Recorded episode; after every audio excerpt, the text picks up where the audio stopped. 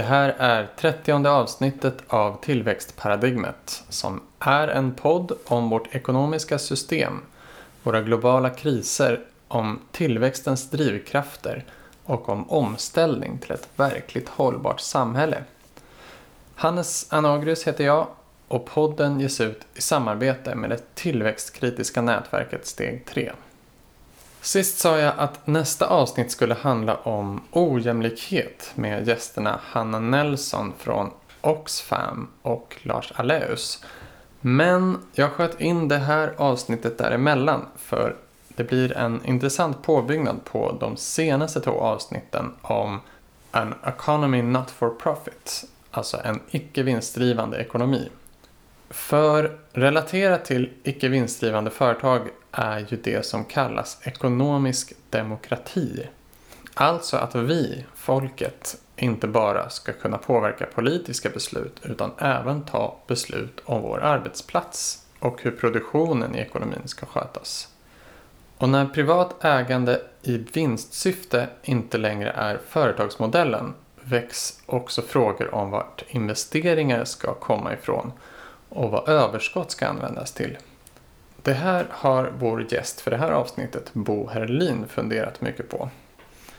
Jag kom i kontakt med Bo i Steg 3-nätverket då Bo har skrivit ett bokkapitel om en modell för samhällsekonomin baserad på enbart kooperativ eller demokratiskt styrda företag som man kallar det. Det kapitlet finns med i boken Att slakta en guldkalv, en antologi med flera intressanta visionära texter där Bo står som redaktör. Bo frilansar alltså som förlagsredaktör och har studerat beteendevetenskap. Under studietiden på Stockholms universitet så inspirerades han av de strömningar som fanns inom vänstern på 70-talet för ekonomisk demokrati han menar att idén kan få en ny chans nu när nyliberalismens dominans håller på att spricka och det eftersöks en annan typ av ekonomi för att mota klimatkrisen. Efter det misslyckade klimattoppmötet i Köpenhamn 2010 gick Bo med i det då nybildade Klimataktions eh, visions, visionsgrupp där han utvecklade sina idéer för ekonomisk demokrati som en förutsättning för en ekonomi utan miljöskadlig ekonomisk tillväxt. Men innan vi går in på vårt samtal tänkte jag börja med några reflektioner från de två tidigare avsnitten med Jennifer, An Economy Not For Profit. Jag tror en förklaring till att många har svårt att föreställa sig att ekonomin skulle kunna drivas med annat än vinst som motor har att göra med det tankeparadigmet vi är inne i. Alltså hur vi lär ut vad ekonomi är. Det handlar om vad vi ser som effektivitet och att pengar eller finansiellt kapital ses som verkliga resurser. Fast de bara är en representation ju av de riktiga resurserna. Verkliga resurser är alltså ekosystemtjänster, ändliga och förnybara resurser från naturen och människors tid, kunskap och relationer samt realkapital, alltså maskiner, fabriker, fordon, byggnader och så vidare. En sak jag funderade över efter mitt samtal med Jennifer var att hon ofta pratade om att vinsten eller överskottet skulle gå till the social benefit mission, alltså något samhällsnyttigt som är företagets uttalade syfte. Det kan ju lätt gå att tolka som att non-profit-företag skulle göra stora vinster som de sen istället för att dela ut till ägarna bekostar då bra samhällsprojekt med. Och det är väl en variant av non-profits, tänker jag. Men i och med att vi identifierade att själva strävan hos företag att maximera vinsten gör att de ofta dumpar löner, prioriterar bort miljön satsar kortsiktigt och kompromissar bort etiska principer så känns det ju som en risk att non-profit-företag skulle kunna göra samma sak fast med ett ändamålen helgar medlen eh, argument. Alltså vår maximala vinst går minsann till något bra och samhällsnyttigt. Men det kanske var därför som Jennifer beskrev non-profits som necessary but not sufficient. Alltså det var ingen garanti med non-profit för att det skulle vara hållbara. Jag tänker att ett hållbart non-profit-företag kanske inte strävar efter vinst och överskott utan mer att vara långsiktigt bärkraftigt ekonomiskt. Men eventuellt överskott kan ju gå till något bra. Annars tänker jag att de flesta företags syfte är just produkten eller tjänsten de säljer. Tänk dig en produkt eller tjänst som försöker uppfylla ett verkligt behov i samhället. Det kan vara mat, kläder, upplevelser eller, eller vad det nu kan vara. Alltså inte skapar ett artificiellt behov och i ett idealsamhälle inte heller ersätter någon offentlig tjänst eller kompenserar för ett trasigt samhälle. Som till exempel att larm, skyddsvakter eller pepparspray kompenserar för bristande tillit och kriminalitet som kommer sig av att samhället då inte har löst utanförskap. Om det är en nyttig produkt som också produceras på ett hållbart och etiskt sätt då vill ju företaget lägga all vinst eller överskott på att producera mer av den här produkten och nå ut till fler konsumenter. Men företaget vill ju inte försöka övertyga konsumenter som egentligen inte behöver produkten att köpa den. Och företaget vill inte heller växa genom en storskalig rationalisering som gör att den kompromissar bort hållbarheten i produktionssättet. Den behöver heller inte växa på bekostnad av andra företag, alltså sno marknadsandelar, ifall de andra företagen också gör en hållbar produkt som behövs i samhället. Snarare kommer non-profit-företag kanske nischa sig och uppnå en lagom storlek där de inte behöver växa mer. Om de fortsätter att göra överskott eller vinst då kan de ju antingen förbättra för sina anställda, sänka priserna eller sponsra utomstående samhällsförbättrande projekt. En annan invändning är att den globala konkurrensen skulle kräva av alla företag att för att hålla sig kvar på marknaden behöver de bli så effektiva som möjligt. Vilket gör att de vinstdrivande företagen skulle ha en konkurrensfördel och dessutom driva non-profit-företag mot att också exploatera arbetare och miljö för att inte slås ut. Jag tänker att detta både stämmer och inte. Vinstdrivande företag kan genom att exploatera arbetare och miljö samt locka till sig mer kapital eh, växa sig större och få stordriftsfördelar. Och då kan de köpa upp och slå ut och därmed ta över marknader där de får sfärer av, eh, av en slags monopolställning inom vissa nischer. Då. Eller så kan de få väldigt bra lägen på sina butiker och så mycket reklam ut så att det är väldigt jobbigt och svårt för konsumenter att leta sig fram till deras konkurrenter. Men på en punkt har profitföretagen en konkurrensnackdel mot non-profits. Förutom då att non-profit kan få mer goodwill så folk kanske vill handla där. Så måste vinstdrivande företag dela ut vinsten till externa ägare. Så pengar tas alltså ut ur företaget.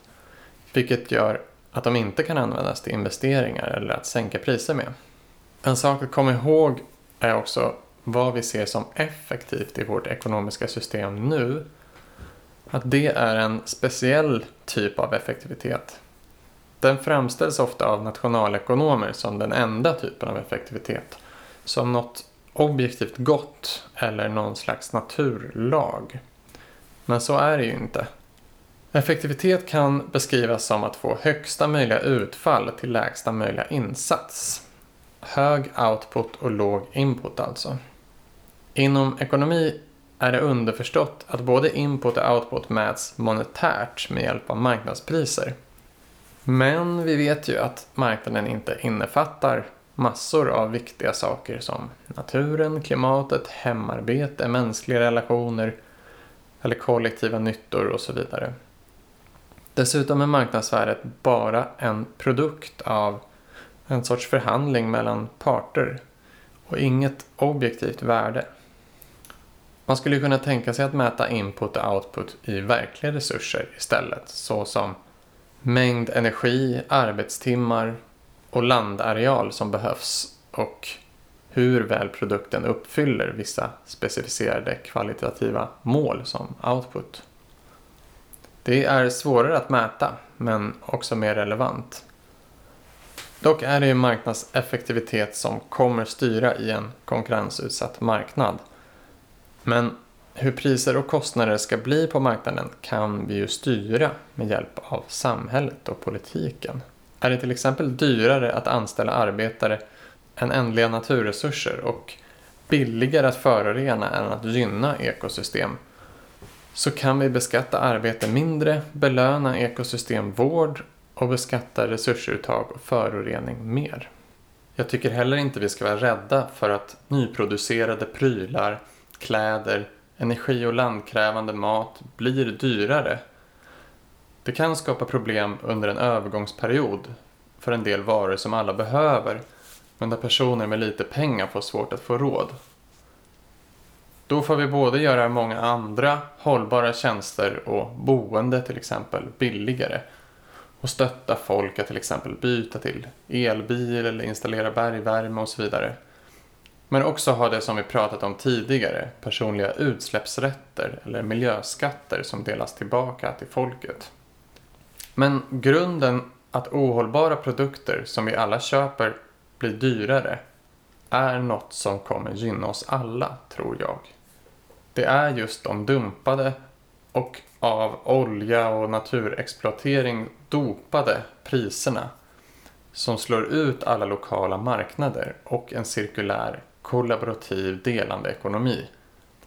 När inte stora gallerior eller näthandel med ohållbart framställda nyproducerade saker som tillverkats i Östasien med usla arbetsvillkor och för löner som knappt går att leva på och fraktas hela vägen till Sverige. När inte de kan erbjuda löjligt låga priser längre.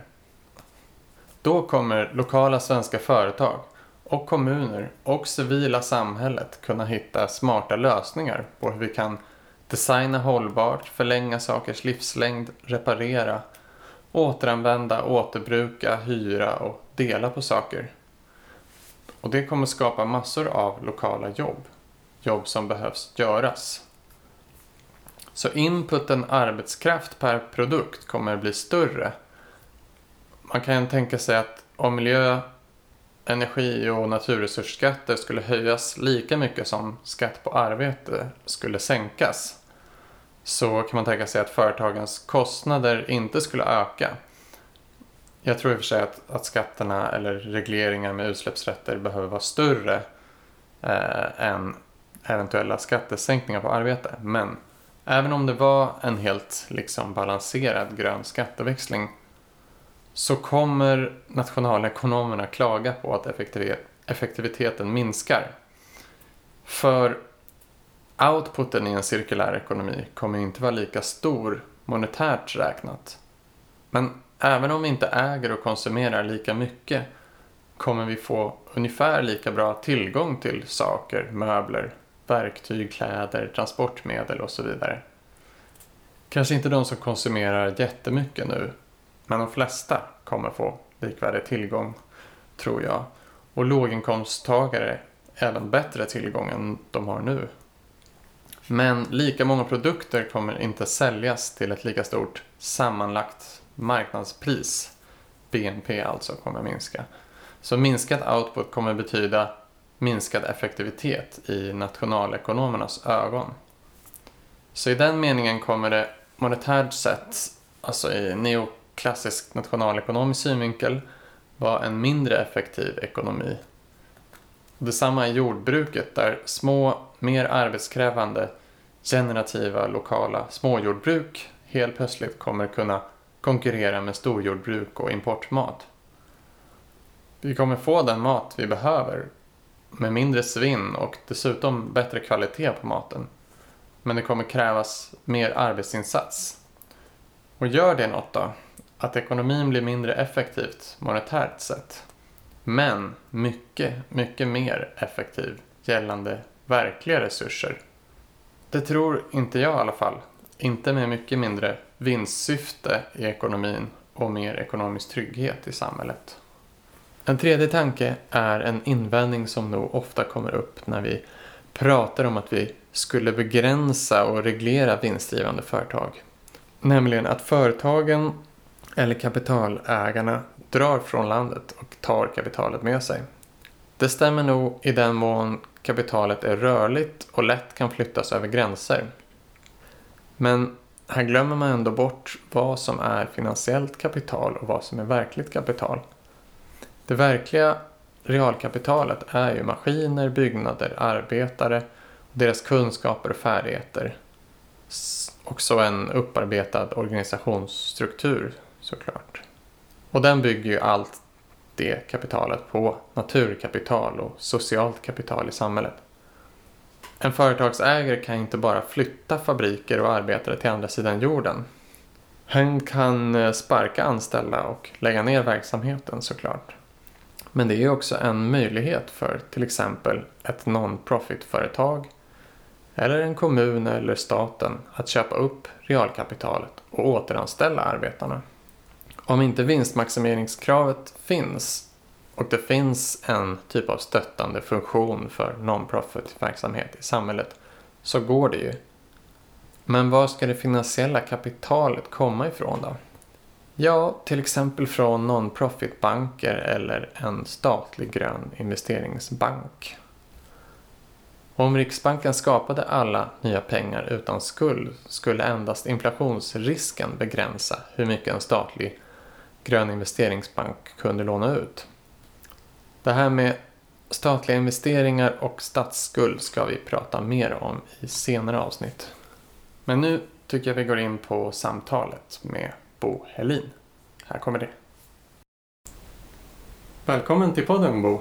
Ja, tack. Vad kul att du ville vara med. Ja, kul att vara med. Ja. Så idag ska vi prata om eh, ekonomisk demokrati. Ja. Och vad det kan innebära. Och eh, det hakar ju rätt bra i våra tidigare avsnitt med Jennifer Hinton om vinstens roll i ekonomin och icke vinstdrivande företag och hur mm. de kan fungera. Och eh, idag när vi spelar in det här så har vi fått Sveriges första kvinnliga statsminister. Så vi har uppenbarligen en, uppenbarligen en parlamentarisk demokrati Eh, av ett slag där partier representerar väljare. Men vad skulle du säga att ekonomisk demokrati betyder? Ja, det är väl vad betyder demokrati egentligen? Och en parlamentarisk demokrati ska i alla fall vara en demokrati. Och det innebär ju att eh, ja, det är ett krav på jämlikhet, att man har ett eh, jämlikt fördelat inflytande över beslutsfattandet. Och av alla som berörs av just det mm. Eh, beslutsfattandet. Och när det gäller parlament, parlamentariska mm. så är det ju hela landet mm. som det handlar om. Men eh, det brister ju där en hel del. Och en viktig orsak är, det, är ju att eh, politiken påverkas i så hög grad av olika ekonomiska intressen. Mm. Och det är en annan form av ekonomi som inte är jämlikt fördelad. Mm. Så det blir motsättning där mellan den jämlika demokratin och den ojämlika vinstkrävande mm. ekonomin. Precis. I, eh, när vi går och röstar så räknas ju varje röst lika oavsett ja. vem du är. Ja. Men i vår ekonomiska sfär så är det, röstar man ju mer eh, med hjälp av andel, ägarandel. Kan man ja, säga. Ja. Och det gör ju också att eh, själva ekonomin blir ojämlikt fördelad. Människorna som deltar i den blir ojämlika. Det sker en kapitalackumulation. Mm. Och det sker också att människor blir fattiga. Och alla ska ha en röst. Men då röstar man på någonting som då har påverkats av människor som har en stor makt. Och de har alltså större möjligheter att se till att även de som inte har så stort intresse av, av vissa partier ändå röstar på dem. Mm. Så det, Du menar blir- att folk röstar det- fel? ja. De kan lätt Ja, de- göra det i alla fall. Man har eh, en viss eh, förmåga att kunna sätta agendan och vilka frågor som kommer upp. Ja. Så Ja, påverka vad som kommer upp i media och reklamen och så vidare. ja, Om man ja, har just. ekonomisk makt. Ja. Och reklamen är ett viktigt inslag där. Ja. Både när det gäller politiken och när det gäller Mm. eh, ekonomin, försäljningen. Och stödja de partier som är ekonomiskt också, även om det är lite bättre kanske system än i USA till exempel. Ja, det finns vissa skillnader, det gör det Ja. ändå. Men skulle du skilja på ekonomisk demokrati från andra klassiska definitioner av ekonomiska system som att vi har vårt ekonomiska system man, som vi har nu kan man, skulle många säga, domineras av eh, kapitalism eller eh, av privat ägande för vinstsyfte. Det, Mm. åtminstone marknaden domineras av det. Ja, Ehm, å andra sidan eh, har vi historiska och eh, några få nutida exempel av en centralstyrd planekonomi. mm. Men skulle du säga att ekonomisk demokrati är någonting annat? ja det är det definitivt. Mm. Eh, Det finns ju en marknad i, eh, som jag ser det, i ekonomisk demokrati. Det är inte en planstyrd ekonomi uppifrån Mm. Eh, som i princip skulle kunna vara demokratisk men det skulle inte heller bli ekonomisk demokrati. Mm. Ja, Det skulle möjligen bli en sorts demokrati men, men problemet är att eh, även på lokal nivå så borde beslut kunna fattas utan att vara alltför beroende av högre nivåer. Mm. Och varför då?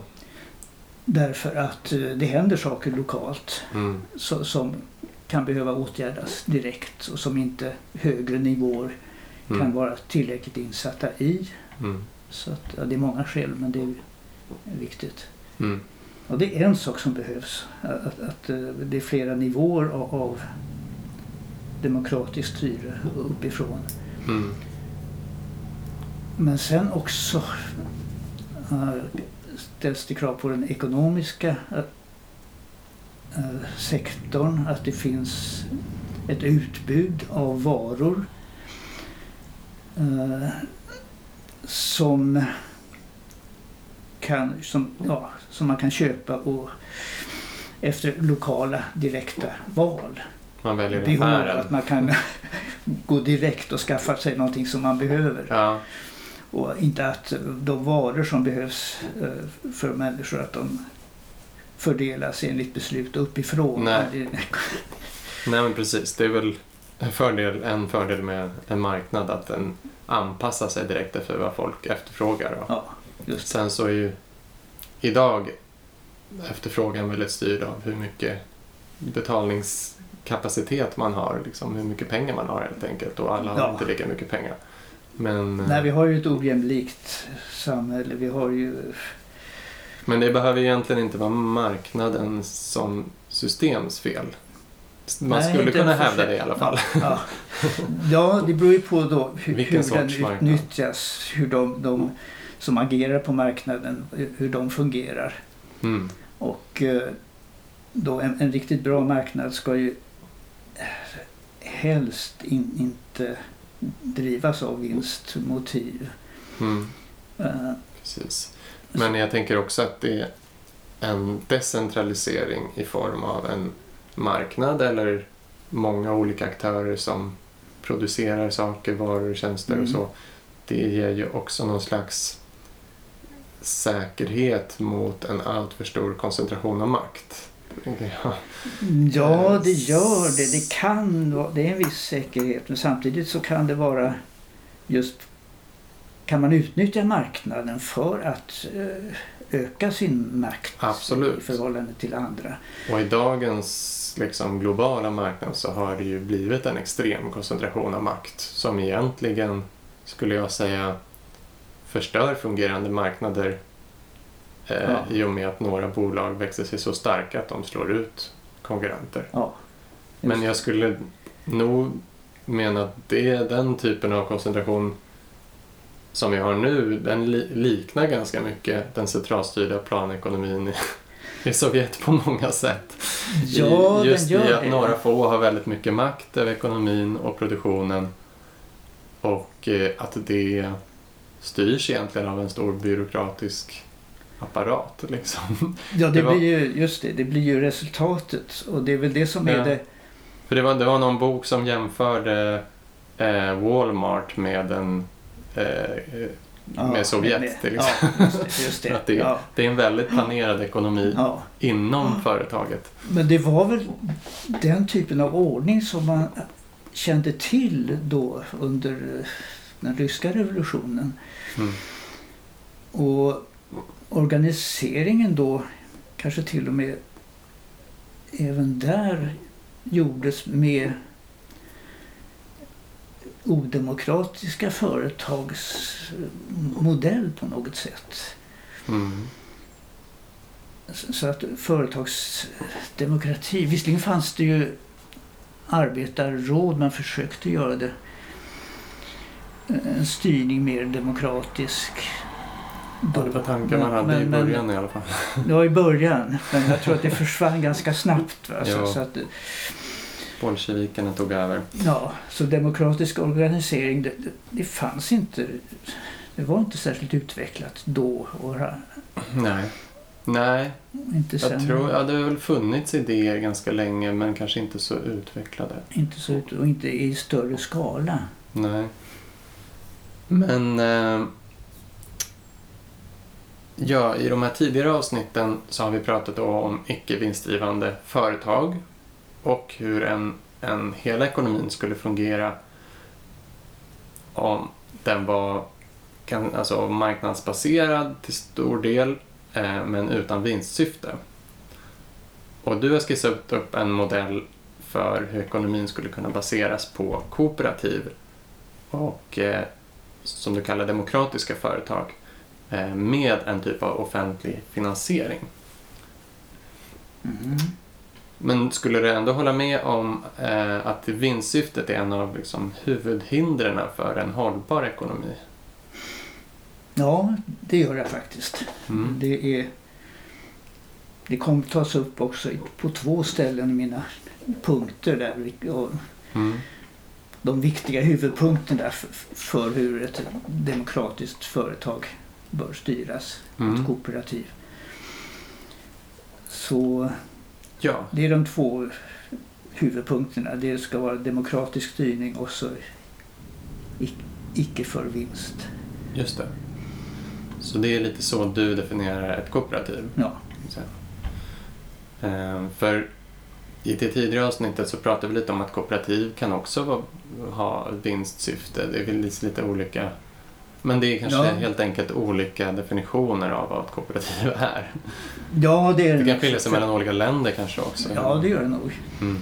Jo, för att det finns en modell som är ganska lik min som en känd person, David Schweikart. Mm. Och han, det liknar rätt så mycket min eh, idé. Men ja, i USA så är ju de som deltar i ett kooperativ, det är ju, de är ju ägare Mm. av kooperativet, ett arbetarkooperativ. Mm. Och i och med att de är ägare då så har de också rätt till avkastningen. Så då äger de den också. Precis. Och det där tyckte jag var lite fel. Alltså, så det vill jag inte ha i min...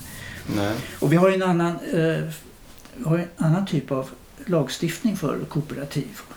Är Sverige? Just, ja, Mm. genom att vi har eh, ekonom, ekonomisk förening. Mm. Och där är det den ekonomiska föreningen som äger tillgångarna i företaget. Och de som arbetar i företaget är medlemmar Mm. i, i föreningen.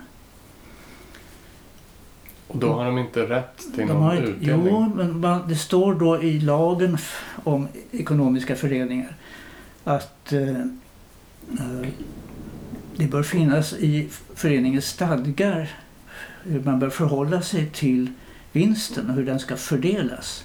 Just det. Och då skulle man alltså enligt min modell För, får jag bara fråga, är inte ekonomisk förening som företag eller som verksamhetsform i Sverige ändå någonting som ska gynna dess medlemmar? Ja, det står det lite.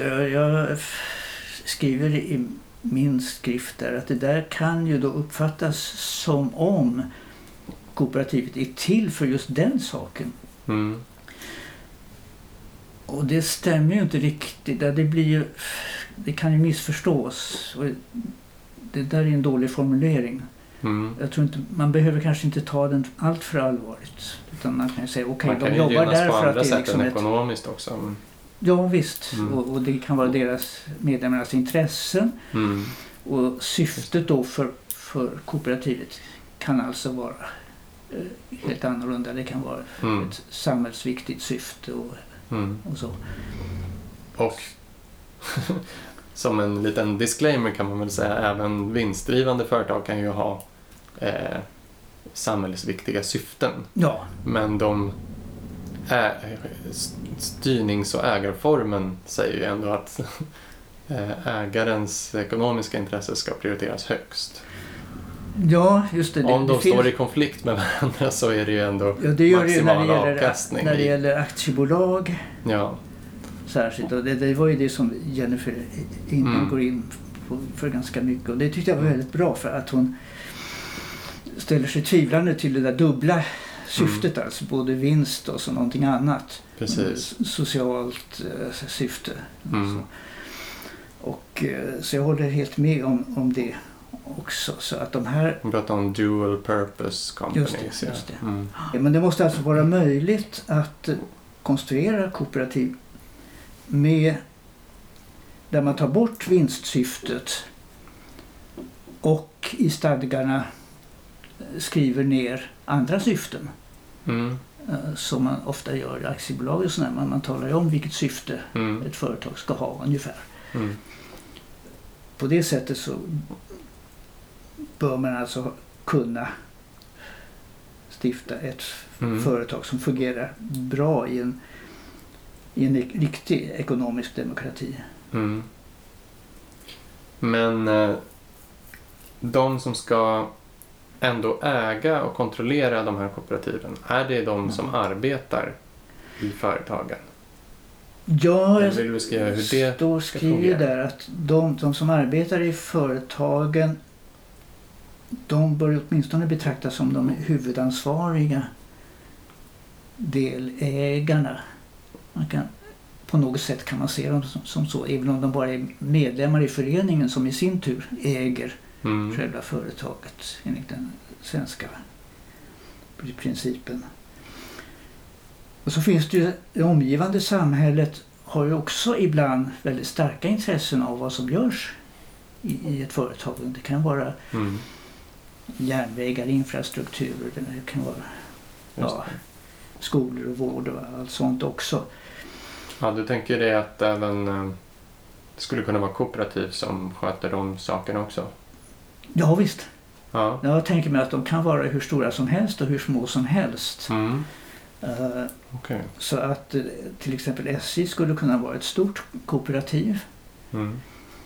Och det skulle fungera eftersom man då, om det finns ett stort samhällsintresse för vad, vad företaget gör, så ska det också finnas eh, i motsvarande grad då en möjlighet för, för samhället att eh, delta på styrelsemöten till exempel och så få en visst inflytande där. Mm. Så, hur, hur skulle samhället vara med på styrelsemötet? ja, det får man inrätta principer för det. Det skulle de kanske inte vara på lika många styrelsemöten som, som när det gäller, som när det gäller f- företagets mera inre angelägenheter. Men till exempel folkvalda politiker då? Ja, Ja. Till exempel, eller representanter för dem. Men man kan Mm. lägga upp det Mm. på väldigt många olika sätt. Så du tänker dig en ekonomi skulle kunna baseras i nästan he- helt egentligen på eh, demokratiska företag, verksamheter, kooperativ Mm. och i den eh, grad de har påverkar hela samhället, alltså ju mer de påverkar hela samhället ju, ju mer inflytande ska också vi som lever Mm. i samhället ha över besluten helt Ja, enkelt. ja. Medan om det är mer lokalt så, så skulle det kunna vara mer kanske de, arbet, de som arbetar i kooperativet som beslutar saker. Ja. Just det. Om det till exempel gäller varuproduktion så där, av ja, Mm. mindre, mindre saker och så. Lite Ett litet, också eh, litet jordbruk eller en liten affär i Ja, det stan. finns ju så stora möjligheter att lägga upp eh, det här. Att liksom gå efter de här principerna fast göra det på lite olika sätt. Just det, för jag tänker en sak som offentlig välfärd. Den är ju nu Mm. uppdelad i en så kallad privat del och en offentlig del även om allting Ja. finansieras eh, med offentliga medel. Ja, Eh, så är den andra under eh, kommuner och regioner ja, eh, och styrs då eh, av tjänstemän fast eh, de avgörande besluten är politikers. mm, mm. Men var, eh, tänker du att det skulle fungera bättre om det var mer fristående verksamheter? Men som, som, som fungerar som en slags kooperativ men där finansieringen fortfarande som idag kommer från skatt? Eller var kommer Mm. finansieringen? Om Jag har inte kommit Ja, in på det riktigt nej. Nej, finansieringen den, den, den bör ju vara, det, det är ju samhällelig Mm. och offentlig finansiering. För du tänker dig till exempel att man ska kunna få gratis eller väl kraftigt subventionerad sjukvård och eh, sko och mm, gratis Ja, skolgång ja, så, ja. som idag i Sverige. Ja, visst. Ja. Och då har man ju kooperativ som då eh, inte driver business, om man tar Jennifers Mm. idé där, så, som inte då försörjer sig själva. Nej. Då har man ju två möjligheter. Antingen att eh, staten då köper tjänster av de här företagen Mm. eller att samhället finansierar de tjänsterna direkt. Mm. Och för de där företagen, om det är demokratiska kooperativ, så blir det i princip samma sak. Om man har alltså offentligt uppköp eller offentlig finansiering. Det blir pengar som kommer från staten i vilket fall som helst. Och jag tror att det är bäst att se det på det sättet. Och därmed upphandlingar. Mm. Jag vet inte, jag tycker man, det kunde man slippa. Kanske. Mm. Då blir det konkurrens med, med, med privata verksamheter som, som... Upphandlingar borde inte finnas.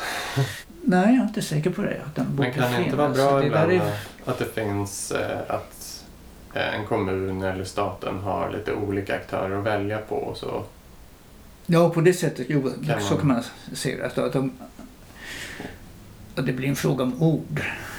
De kan välja vilka de ska då få göra, vilka som ska få göra de här mm. tjänsterna. Man, man kan eh, få ansöka om finansiering av, av ett företag som man tycker behövs på en viss, ett vårdföretag på en viss ort. Mm. Och så skulle det fungera även i din modell. Ja, Men du kallar det inte upphandling bara. nej, nej just det. Nej. Okej.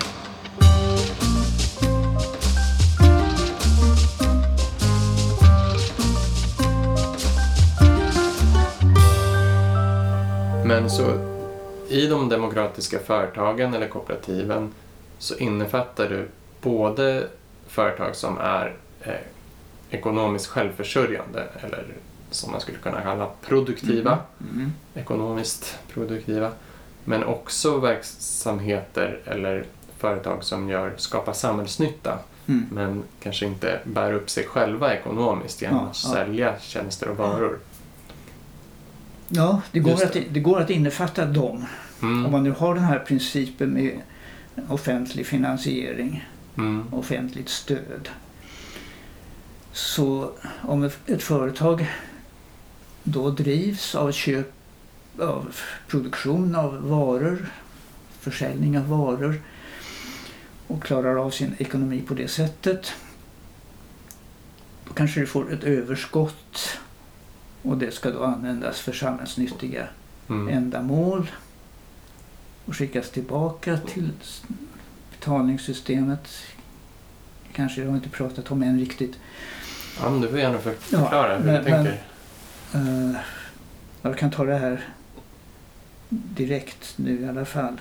Att man har ett betalningssystem, att samhället, staten stöder alla företag. Istället för banker så kan man, går man Mm. till ja, man går till en statlig bank eller en statligt finansierad bank mera lokalt Mm. och eh, ansöker om det stöd man behöver för en viss verksamhet. Mm. Och är det då en samhällsnyttig verksamhet som inte ger så mycket pengar, om det är vård eller skola, Mm. så är det ju pengar från samhället som ska in till företaget i första hand. Men om det däremot är en verksamhet som producerar varor och säljer dem och får in pengarna på det sättet. Så om det inte blir överskott, det kan gå med förlust till och med, Mm. och då kan man ha det inrättat så att eh, vid själva inrättandet av företaget så skriver man in att företaget ska få statligt stöd eller samhällsstöd, kanske kommunalt, om det går med för- med förlust. Mm. Och går det med vinst så ska vinsten tillbaks. Menar du att det blir någon slags... Eh, så- alltså jag tänker om man, om man säljer varor till förlust. Ja, ehm, då, då kanske man kunde motivera att de får finnas för att de också har en samhällsnyttig funktion. ja just det. Och, och tanken är ju det. Att det, det har liksom, när man startar det här företaget så, så, som ska då producera varor och så Mm. kan man få det där kontraktet att, att eh, Mm. Okej, till att börja med så, så får de pengar. Det kanske inte går så bra. Men, men går det bra med överskott så ska de pengarna tillbaks. Och skulle det sen gå dåligt, det var en svacka, så ska de få stöd igen. Mm. Om det liksom är eh, en viktig produktion. Men samtidigt Ja. så kan man ju, om det går dåligt, och det får bli ett beslut då från den, de mer lokala myndigheterna. Om, har man då intresse, finns det ett samhälleligt intresse av det där för att det företaget finns kvar? Kanske man tvingas att få det att sluta på något sätt. Tänker du dig då liksom att vi ersätter det privata finanssystemet vi har med någon typ av eh, kommunalt styrd finanssystem? Ja, jag att det, tänker mig... finansieringen kommer från eh, demokratiskt fattade kommunala eller myndigheter Ja, eller ja. kommuner då som ger finansiellt stöd. Ja, jag tänker mig ett eh, system av demokratiskt styrda banker Mm. som är då inte vinstdrivande heller. Alltså på samma, styrda, Mm. styrda enligt samma principer. Eh, Och som då är fin- finansierade av staten. Så att de pengarna kommer alltså från, ja då har vi ju en central utgivning av, av pengar. Vi har ju liksom en centralbank som då Mm. kan ge ut i princip hur mycket pengar som helst. Och, och de pengarna kan då fördelas Mm. till de här mera lokala bankerna på kommunal nivå och kanske, ja. Mm. Men då måste ju kommunen Så det- ta hand om de pengarna på ett vettigt sätt. Ja. Så, så att det där får gå via budgeten, att, att eh, staten fördelar pengarna till olika regioner. Eh, enligt de behov som finns på de olika regionerna. Och då kan de lokala bankerna fatta beslut om vilka verksamheter som är lämpliga att ha där och lämpliga att satsa på. Mm. Och, och de besluten ska liksom baseras på vad folk röstar på? Eller? Ja, det vore ju lämpligt också. Ja. Visst, då finns ju den möjligheten där för, för, för, för liksom, befolkningen. kommunval och sådär. Ja. Lokala. De myndigheter som då bidrar till att finansiera den lokala företagsamheten tar hänsyn till vad folk har röstat på. Mm. På något sätt. Och det är väl partier där kanske också men, men det kan vara olika, ja. olika styrelsesätt också kan man ju tänka sig. Ja visst, det finns ju om man ska låta ja, det, fantasin ja, visst, flöda liksom, ja, så skulle man ju kunna ha då folkvalda som sitter i den styrelsen. Man skulle kunna ha eh, ja. någon form av medborgarråd också. Ja, man plockar visst, in visst, direkt. Eh, representanter direkt från folket, slumpmässigt utvalda. Så. Eller olika eh, intresseorganisationer. Mm, visst. Miljö, till exempel eh, miljöorganisationer. Och så. Mm. Men eh, eh, ska vi om bara det här med eh, penningsystemet också. Vi har ju mm. pratat om tidigare i, i podden. Ja, Sympatiserar du då med att man skulle ge egentligen centralbanken ensamrätt på att skapa pengar? Ja, precis. Just det. Ja. ja. I och med att de flesta pengar vi använder nu är skapade av privata banker mm. Mm. Eh, i form av skuld. Och jag tror precis på den, den reformen. Mm. Och det är lustigt för att jag var på ett möte med, med dem på positiva pengar. Mm. Och vad, vad som är motivet för den reformen det är att samhället skulle fungera, det skulle ge så många fördelar. Och precis samma fördelar som alltså när ekonomisk demokrati skulle ge. Ett samhälle med demokratiska företag. Så att båda de två reformerna mm. skulle gå och skulle ha samma verkan. Mm. Men när jag pratar med dem på positiva pengar så säger de ja, jo, men vi, vi koncentrerar oss på själva den här reformen, penningreformen och mm. det andra kan, det kan andra få göra som de vill. Mm. Eh, men för det finns ju lite olika idéer kring det här med suveräna pengar eller pengar skapade av centralbanken. Ja. Att man eh, till exempel eh, ger ut dem direkt till medborgarna i ett förslag. Mm. Så att man får dem direkt på sitt privata bankkonto. Ja, just det. Men, eh, men du tänker dig mer en modell där centralbankspengar går till någon slags lokala demokratiskt styrda banker mm. och sen fördelas ut eh, via bidrag och lån och så vidare. Via eh, en basinkomst kan mycket väl finnas i det här systemet också dessutom. Ja. Så man kan tänka sig en låg nivå så att alla människor klarar sig på en viss nivå. Mm. Men sen så är det ju bra om, om samhället ändå fungerar så bra så att i princip alla som vill ha ett arbete de får det också. För om man inte ha, har företag som konkurrerar med varandra på liv och död på något sätt då är det också lättare att få ett samhälle utan arbetslöshet. Mm. Företagen behöver inte gå i konkurs utan vidare för att då, då, kan företaget istället få tillräckligt med stöd från samhället om man underlättar den processen. Mm. Men tänker du att inga företag ska kunna gå under eller gå i konkurs? Nej, det tänker jag inte heller. Men man kan, man kan, det kan ske på ett annat sätt. Va? Det, kan, det blir då frågan om ett samhälleligt beslut om vad som behövs och vad man kan göra och hur man kan man göra.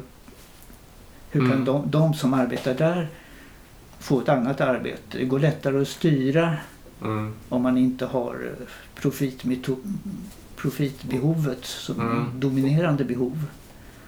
För man kan ju tänka sig att man tar bort profitbehovet eller vinstsyftet mm. men ändå har en, eh, en, en konkurrenssituation mellan företag. Mm. Som kanske, om det är flera företag som eh, producerar varor så ska de varorna Mm. som är mest eftertraktade och som mm, anses ha bäst kvalitet och så Mm. eh, vinna i, i konkurrens. Mm. Och det sägs ju också driva på en eh, ökad effektivitet genom att man eh, försöker hushålla så bra som möjligt med de Mm, resurser man mm, har mm, inom företaget för att skapa så billiga produkter som möjligt. Mm. Skulle inte de incitamenten försvinna lite om man visste som företag att man får finansiering oavsett om det går med vinst eller förlust?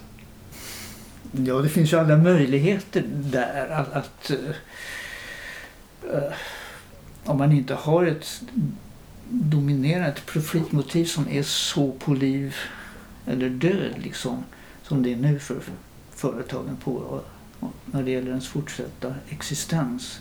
Mm. Man kan ju tänka sig att om, om en produktion inte fungerar bra då kan man hitta, lättare hitta andra lösningar, styra om produktionen på något sätt. Men har man incitament att göra det om man vet att man ändå kommer få finansiering Ja. för att fortsätta? Man kan nog på olika sätt hitta på och driva på där lite grann, komma med lite Mm. krav ändå. Samhället kan göra det. Mm. Kan säga att vi kan inte finansiera det här, det är ju vansinnigt. Utan, men, men man Ja, det kan... är inte helt ovillkorat liksom, Nej, nej, nej. Nej. Just det. Ehm, för man kan väl säga att finansieringen från banker idag den är ganska neutral. Den, man ställer ju inte krav på vi, vad man egentligen ska göra med Nej, de här nej, pengarna. Utan nej. det är ju mera så länge du betalar tillbaks ditt lån Ja, ja. så får du göra Ja. vad ni vill ungefär. Och där Men har vi vi, ju... vi vill, som, som finansiär eller som bank eh, gar, garantera att ni faktiskt kommer kunna betala tillbaks. Det är det Mm. viktiga för en bank idag. Ja, det är ju det som är den stora skillnaden. För att det- är ju det ekonomiska motivet som styr och som styr allting. Mm. Men tar man bort det motivet så kommer det fram andra motiv. Och det är det som är vitsen då. Att det är samhällsnyttan som ska vara Mm. det, det grundläggande. Och då är det ju flera olika motiv beroende på olika omständigheter och sådär. Och då är det de som kommer att styra. Mm. Och det, det vore ju bättre. Men vad tänker du om, för idag eh, politiken, ett, ett av dess verk, viktigaste verktyg är ju hur man ska fördela de, de resurser som politiken har eh, hand om, Mm. vilket då finansieras till största del av skatter Mm. och lite andra eh, inkomster till Mm. stat och kommuner. Men hur eh, tänker du att skattesystemet ska ersättas av det här? Ja. Jo, det behövs inga skatter i så fall. Om man istället har då pr- principen att överskott ska gå tillbaks. Och då blir det ju en form av skatt helt enkelt som betalar det hela. Istället för skatter så har vi företagens överskott. Ja, Eller vinst om man skulle kunna kalla det. ja just det. Men det är ingen skatt på vinsten utan det är liksom hela vinsten. Hela vinst. Eftersom det är företag som inte ska gå, med vinst utan Mm. Så får man ett flö- flöde av pengarna på det sättet i samhället. Så samlas inte heller pengar på hög. Det blir ingen kapitalackumulation. Det är det som är problemet. Att man får en ekonomisk makt som blir ojämnt fördelad och som påverkar den demokratiska, demokratiska makten Mm. som ska vara jämlikt fördelad. Så att man tar, tar bort just det här ojämlikhetsskapande eh, Mm. systemet ur ekonomin. Just det. Men, men eh, de politiker som vi väljer, som vi väljare Mm. väljer då, det som de kommer att ha hand om, det är helt enkelt vilka kooperativ ska vi finansiera? Eller vad, vilka Mm. beslut är det de ska ta som vi väljer? Ja, det kan bli... Om jag menar om det Det inte finns skatteinkomster ja, som vi ska ja. fördela på olika verksamheter. Ja, det blir väl indirekt i alla fall om vilka verksamheter ska finansieras. Och då blir det väl olika grupper då som får som har olika idéer om det och så röstar man på de grupperna indirekt som har det och det programmet för att satsa på de och de verksamheterna. Är grupper som i ja, partier. partier? Ja. Jag tänker ja. uttrycka mig mer neutralt. Ah. Um, jag tänker, då kommer partierna kanske sitta i de här lokala bankernas eller mm. statliga bankernas styrelser och, och sitta och bestämma eh, vad ska vad ska vi finansiera här i samhället helt enkelt? Det är väl möjligt. Man kan ju, då kan man ju tänka sig via mera, mera lokala val att det behövs. Ja. Och lokala partier för att få bättre variation. Mm.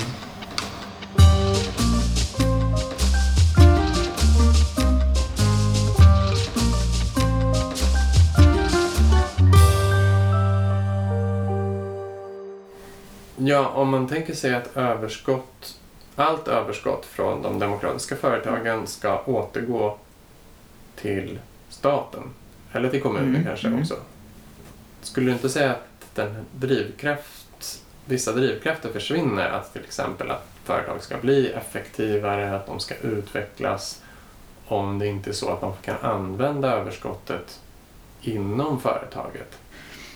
Jag menar, ja, en, jo, en förespråkare av kapitalism ja, skulle ju säga då kanske att man behöver drivkraften som ägare ja, för att man ska vilja satsa och investera på mm, mm. nya innovationer och så. Mm, så mm. måste man bli rikare och rikare mm, mm. eh, av vinsten.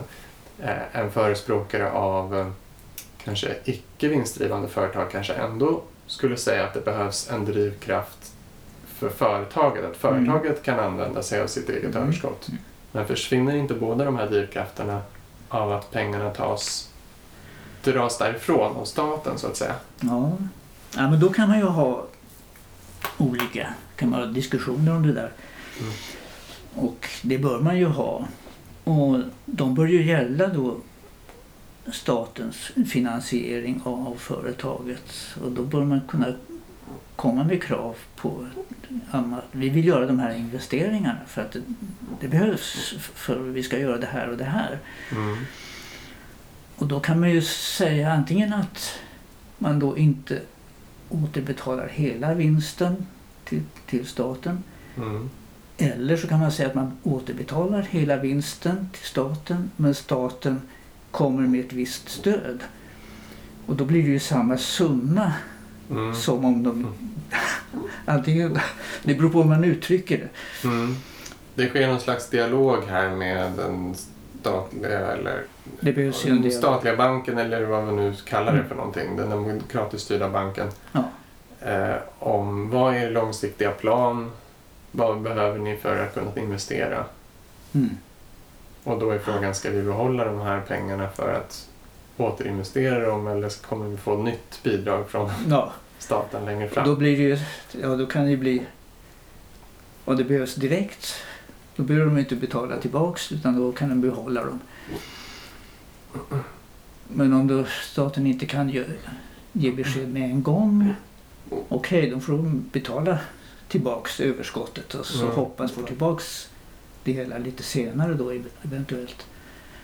Man kan säga att att det, om jag tolkar det rätt så är det som du vill ändra på främst är det liksom överskottet som idag går till externa ägare. Mm. Som ju egentligen inte används till eh, fortsatta investeringar i företaget. Eller det, alltså, det, det kan du ju göra om ägaren bestämmer sig för att investera dem igen då. Men, eh, men det, det är ju helt liksom frånskilt idag. Ja. Eftersom ägaren kan vara aktieägare överallt runt ja, om och det kan man inte lita på. jordklotet. Liksom. Um, så den delen som faktiskt tas ur företaget och ges till ägare, det är den mm. som du tänker istället ska gå till samhället via staten. Ja, ja. och det är lite samma sak som, som uh, Jennifer Hinton har ju istället krav på företaget att om man inte tar ut vinsten överhuvudtaget. Det är samma sak som att, som jag säger, att företaget ska då inte använda den vinsten. Och där är ju motivet då något annat samhällsnyttigt. Eller så. Mm. Och det kan man ju tänka sig här också. Om man, inte litar, man kan ju tänka sig att pengarna går direkt till någonting samhällsnyttigt. Eller går till staten som använder dem till någon, samma samhällsnyttiga sak. Mm. Eller går till den här investeringen som också då kan vara samhällsnyttig. Mm. Så att där finns ju alla de möjligheterna också Mm. här. Och när du säger finansiering så kan det vara allt ifrån ett direkt bidrag som inte behöver betalas tillbaka Mm. eller ett lån Mm. som behöver betalas tillbaka Ja, räntefritt. räntefritt. Men det skulle också kunna vara ett lån med ränta. Ja, fast det, det, det är kanske en dålig, en onödig princip. Mm. Räntan är ju det som bidrar till vinst för bankerna Mm. och som driver på och driver på penningmängden. Just det. För en funktion med ränta är väl också att täcka upp för att det innebär en risk med att låna ut sina pengar. Mm. Om man lånar ut pengar till en verksamhet som man inte riktigt vet hur den kommer gå. Kommer Mm. de sköta ekonomin? Kommer, de, kommer folk efterfråga den här tjänsten eller produkten? Mm. Eller kommer det falla ihop? Mm. Det är ju alltid en risk med utlåning och då ska ju ränta vara en slags kompensering för det. Men om på statlig nivå kanske inte det spelar så stor roll för Nej, att... det blir ju samma sak där. För de pengarna på, på den nivån så, så finns det ingen brist för de ger ju ut pengarna. Mm, Så det finns ju inte den bristen där. nej. Och sen de andra bank- bankerna på lägre nivåer. Det har också att göra med förhållandet till staten där. De kan ta Så- den risken menar låna- Ja visst, du? Mm. för att då, då finns i alla fall pengarna. Så Och jag tror på inte man behöver På ha... samma sätt så blir det ju...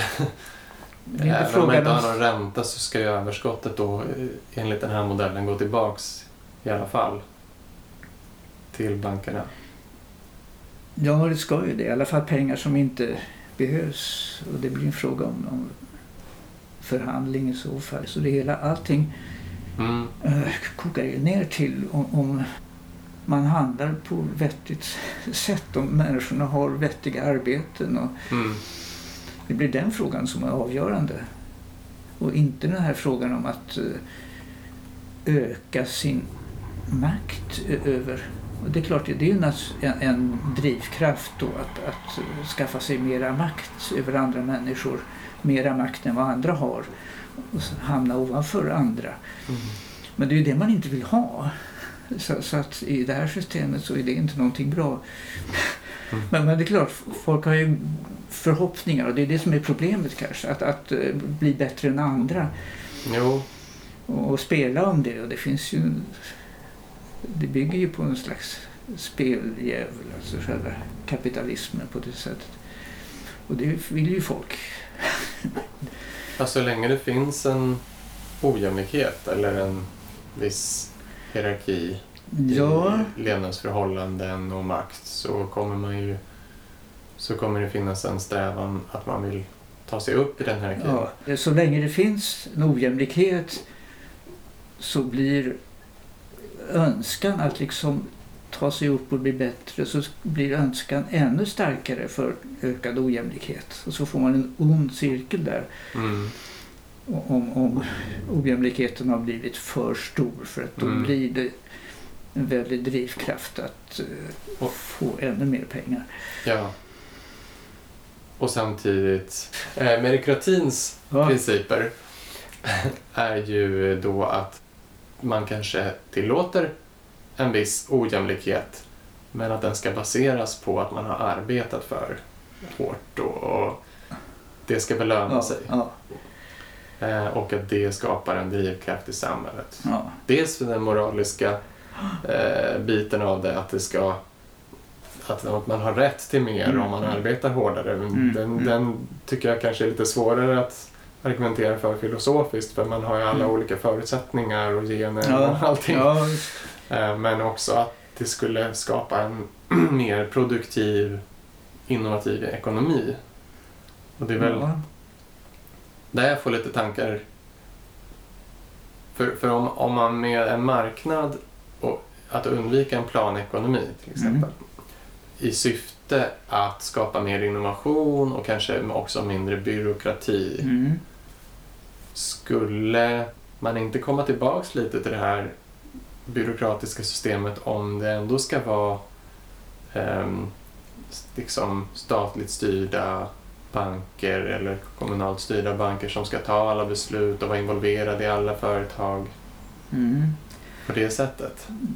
Det kan man kanske göra om man inte ser till att människor på alla nivåer är tillräckligt aktiva. Om man stimulerar människors aktivitet till att vara kreativa och eh, för kreativitetens egen skull, för att det är roligt att hålla på med det hela. Och för, för man kan göra en mängd saker och, och det här vinstmotivet, om man gör någonting inte för att det i sig är viktigt men för att det ger, ger vinst. Om man gör en, en annan sak också för att det ger vinst. Men, men och det, är det, verk- det är det som görs som ska vara det väsentliga och motivet. Och då kan man på olika sätt kanske stimulera till det, till att Mm.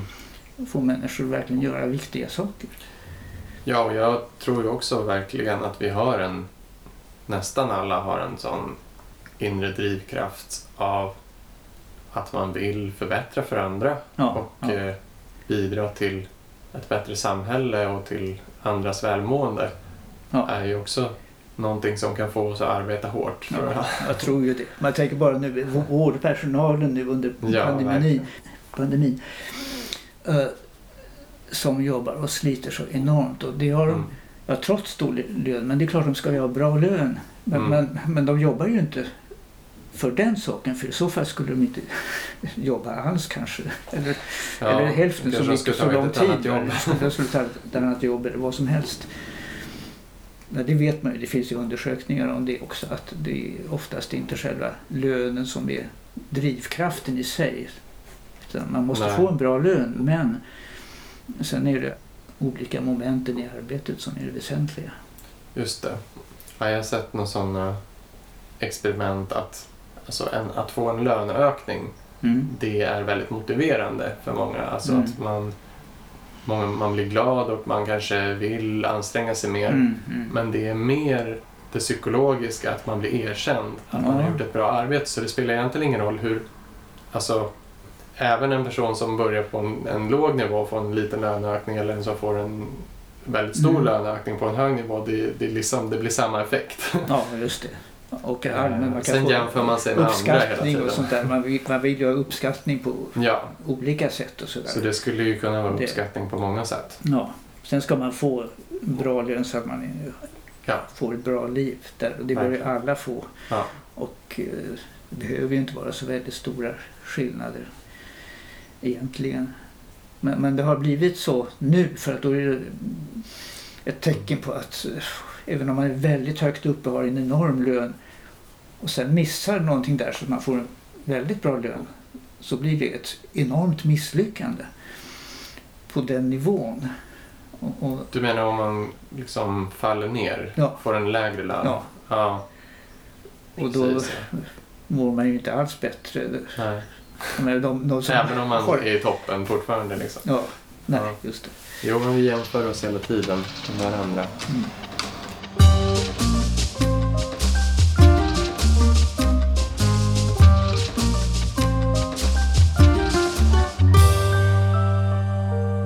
Som en eh, avslutande fråga, som är en ganska stor fråga. Mm.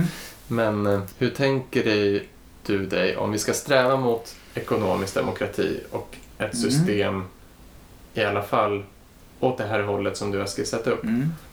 Ehm, hur skulle övergången se ut? Är Ja. den successiv liksom? Och hur ska vi, vad finns det för hinder och vad finns det för Mm. utmaningar som vi kan eh, gynna? Ja, ja det, det är en stor fråga. Ja. Det är det. Och eh, jag tror på en successiv övergång. Och nu är vi bråttom också. Men jag tror på att eh, man kan få igång, igång en process som går allt snabbare. Man kan börja med eh, demokratiska företag. Det finns ju redan och de fungerar i, i vår ekonomi också.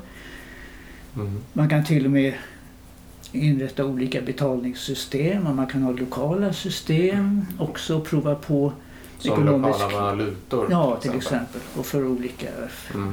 verksamheter och sådär. Så man kan sätta igång en mängd sådana Lokala experiment. banker också. Lo- Ja visst, lokala banker, alla möjliga sådana. Och som olika rörelser kan liksom eh, börja satsa på den typen av verksamheter och det kan vara en mängd folkrörelser och det klimatrörelsen och hela Mm. eh, omställningsrörelsen ju, håller ju på med det. Mm. Och då kan man ju hoppas på att få en accelererande process. Mm. Och det är det enda hopp vi har tror jag, att man får en accelererande process åt det Mm. hållet på olika sätt. Och att man då får ju samtidigt... folk också upp ögonen för att det finns alternativ. Ja, just det. Och då kommer de andra naturligtvis att känna sig hotade och så. Men man behöver inte förändra så mycket i konstruktionen ändå. Man kan tänka sig att arbetare på, på de företag som finns nu att de står sig samman för att kräva en ombildning till ekonomisk, eh, till en ekonomisk förening. Mm.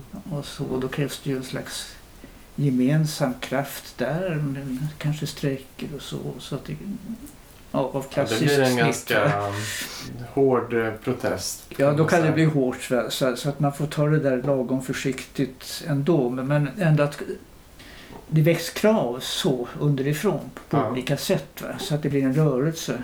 Men som Mm. definitivt inte får vara våldsam. Alltså, det Mm. tar jag upp. Absolut Mm. inte. Det, det är väldigt viktigt att hålla ner det tror jag. Mm. För den kan bli kraftfull ändå. Och det blir en annan styrka alltså än, än den ekonomiska styrkan. Det blir liksom en, en gemenskap som då Mm. eh, fungerar som att Mm. ja, det blir en, en slags demokratisk makt. För demokrati måste ju också stödja sig på någon, ha ett Mm. stöd av, som är konkret på något sätt. Och det är alla människor då som på lite lägre nivåer. Men hur tror du att man kommer förbi det här med att ägandet idag är så extremt Mm, ojämlikt och koncentrerat? Det är så... Är det Så. någonting, ska man liksom rucka på äganderätten för att komma... Ja, någonstans Vidare. måste väl... Jo, när det gäller äganderätten till skogen nu. Eller jag menar äganderätten är, har ju aldrig varit absolut. Men Nej. jag menar den är ju alltid... Ja, men den är nästan... Jag har läst, det finns ju de inom den gamla Timbrokretsen och sådär att det gäller nu att försvara den äganderätten. För- Mm. Och Ja, han Ja, svarade, deras ordförande svarade till och med att den var viktigare än demokratin i någon till intervju. och med. Ja, Äganderätten. det. Men det Men där jag menar, alltså, ä- när, när man stiftar lagar och eh, som kan ju inskränka på äganderätt. Man Ja, inskränker ju på äganderätten ja, ja. på en mängd områden Ja. redan idag. Ja.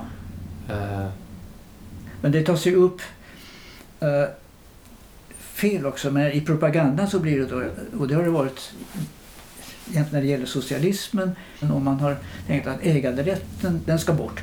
Och folk blir förskräckta, får jag inte ha någonting? Så där, får jag inte ha min egen tandborste? mm. Men det handlar det ju inte alls om. Utan det handlar ju bara, bara om... tandborste. Ja. Nej, men det handlar ju om det orimligt stora ägandet. Att, att det som berör en mängd andra människor som minskar deras frihet. Det är den Ja. äganderätten som, som ändå Mm. måste fördelas på något sätt. Ägandet av produktionsmedlen och Ja. andras arbetskraft. Ja.